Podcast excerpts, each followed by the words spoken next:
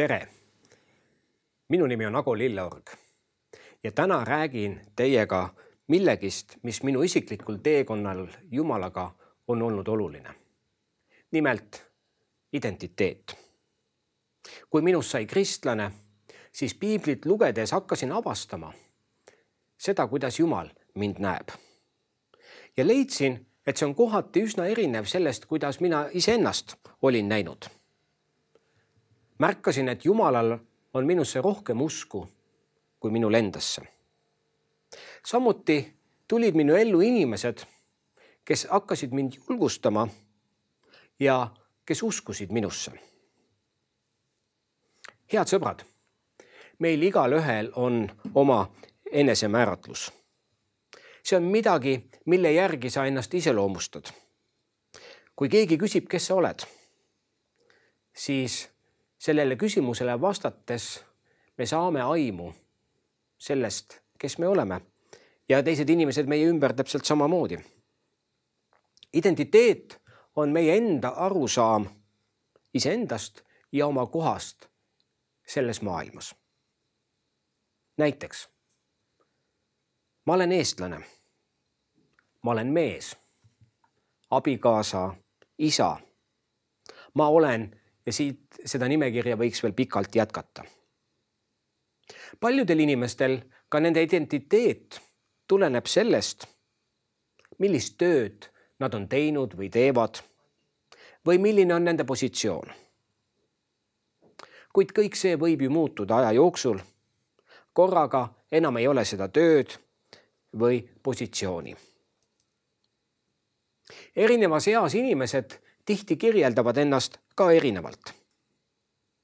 tihti vanemad inimesed määratlevad ennast selle alusel, mida nad on elus teinud, millist tööd või millist ülesannet täitnud. aga kui me kuulame lapsi kirjeldamast seda, milline nende elu võiks välja näha, siis me saame aimu sellest, kuidas nad mõtlevad sellest, mis nendest võiks saada või kes nendest võiks saada. Niisiis, eakamate inimestena tihtilugu määratleme ennast selle alusel, mis on toimunud minevikus. samal ajal lapsed ja noored pigem määratlevad ennast selle alusel, kes nendest võiks saada. kui sina peaksid ennast kirjeldama, et milline inimene sa oled, siis mida sa enda kohta ütleksid. Kuid ma tahaksin täna minna siit veel ühe sammu kaugemale. on veel üks oluline dimensioon meie enesemääratluse skaalal. ja see seostub sellega, kuidas meie looja meid näeb, kuidas ta meid on kujundanud ja disaininud. ning see seostub ka veel sellega, milline on tema plaan meie elu jaoks. selliselt tahan täna kõneleda sinuga teemal. loeb see, mida Jumal, sinu looja, sinu kohta ütleb. Rick Warren, koguduse pastor Ameerika Ühendriikides, on öelnud järgmiselt. ainult Jumala läbi võime avastada oma originaalsuse, isikupära elu mõtte ja eesmärgi. Sa sobid täitma Jumala eesmärki maa peal, sest tema lõi ja kujundas sind vastavalt sellele eesmärgile. Rick Warren jätkab öeldes, kuid põhjus, miks paljud toredad inimesed oma parimate eesmärkide täitumisel ei ole tegelikult sisemiselt õnnelikud, on enda mitte aga Jumala eesmärkide taotlemine. Armsad sõbrad, ka iseenda nii-öelda määratlemisel on oluline mõista, mida meie looja meie kohta mõtleb ja milline on tema plaan ja tema eesmärgid meie eluga seoses. selliselt on oluline mõista ka seda, et ennekõike ei loe mitte see mida sina endast arvad või mida arvavad sinust inimesed sinu ümber, vaid loeb see, mida arvab sinust sinu looja. mida tema sinu kohta mõtleb? Jeremiia raamatu esimesest peatükist me loeme neljandast salmist edasi. mulle tuli issanda sõna ja ta ütles. enne kui ma sind ema ihus valmistasin, tundsin ma sind. ja enne kui sa ema üsast välja tulid, pühitsesin ma sinu. Ma panin su rahvastele prohvetiks. aga mina ütlesin, oh issand jumal, vaata, ma ei oska rääkida, sest ma olen noor.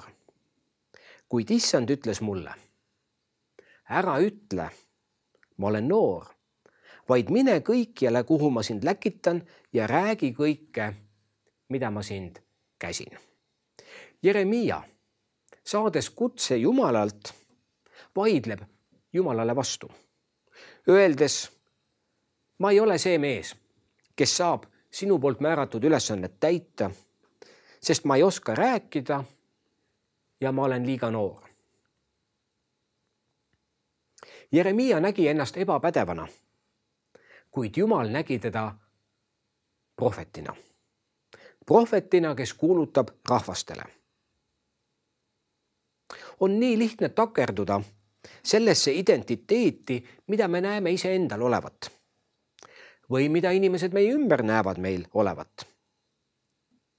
paljudel piibli inimestel oli see kalduvus oma olemasolevat identiteeti vastandada Jumala kutsega. vastandada sellega, kuidas Jumal neid nägi ja millist potentsiaali tema nendes nägi. näiteks Mooses. Ta nägi ennast karjasena ja viletsa võimega rääkida. või Jesaja. kui Jumal teda kutsub, siis ta näeb ennast patusena ja kõlvatuna Abraham nägi ennast lastetu ja hüljatud mehena. armsad sõbrad, täna me ei tunne Moosest karjasena, Jesajat patusena või Abrahami lastetu mehena. me tunneme neid nende kutsumuse alusel. kui sina vastad Jumala kutsele oma elus, siis see kutsumus hakkab kujundama sinu identiteeti ja sinu annid hakkavad sinu elus tegema sulle teed. niisiis me näeme, et Jeremiia, keda Jumal kõnetas, maadles teistsuguse minapildiga kui see, kuidas Jumal teda nägi.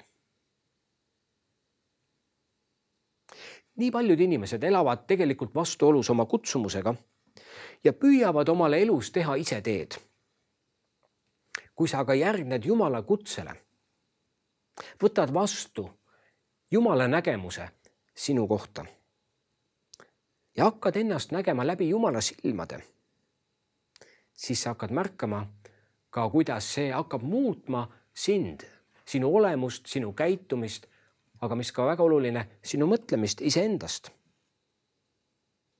viis, kuidas sa tunned ära annid oma elus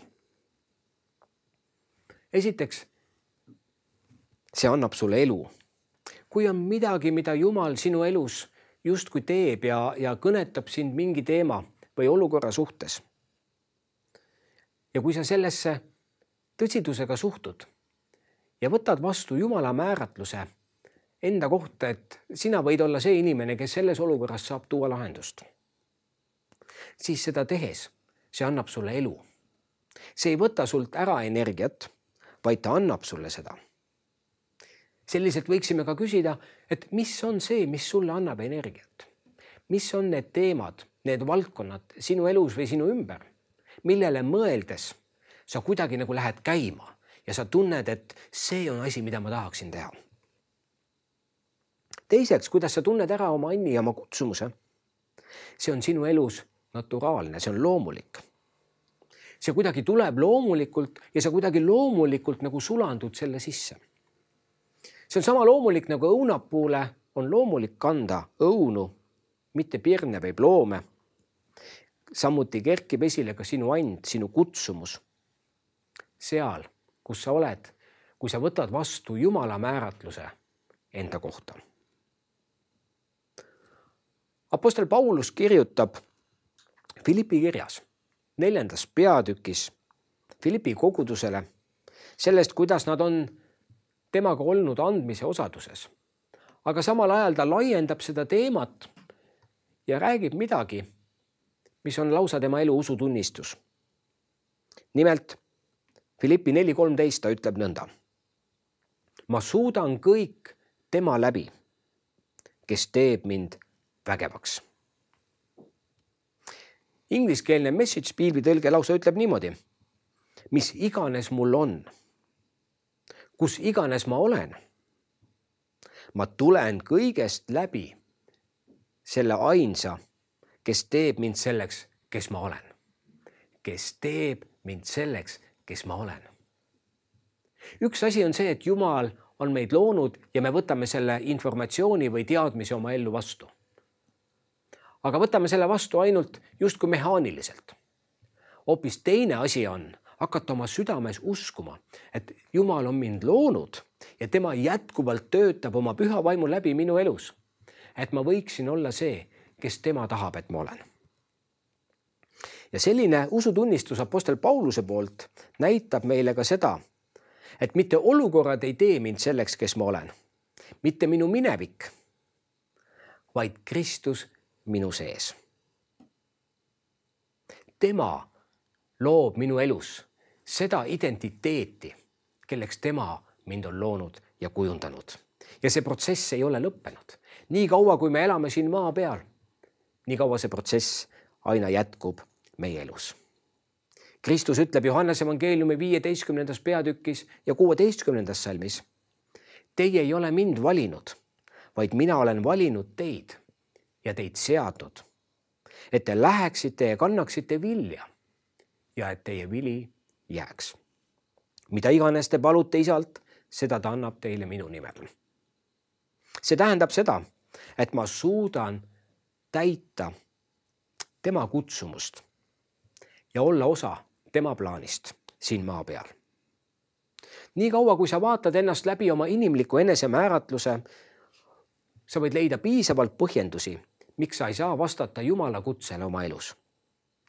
kui aga hakkad nägema ennast Kristuses, hakkad mõistma, et see, mis sinul on puudu, seda tema oma armu läbi saab täiendada ja täita sinu elus nõnda, et sul on olemas kõik, mida sa vajad et elada Jumala kutsumuse alusel. enne kui minust sai kristlane, maadlesin noore mehena oma elus mitmete asjadega. üks nendest oli alaväärsus. ja mis tuli nimelt sellest, et kaheksanda klassi lõpus sain teadlikuks sellest, et minu kõnes ma põristan R-tähte. see oli minu jaoks šokk ja õudusunenägu mille tulemusena tekkis minus kompleks ja hakkasin ka inimestega rääkides vältima sõnu, milles on R-täht. tüdrukutega suheldes noore mehena hakkasin moodustama lauseid sellistest sõnadest, kus R-täht puudus. minu jaoks oli tollel ajal ettekujuteldamatu, et ma võiksin seista inimeste ees, peaksin kõnet või esineksin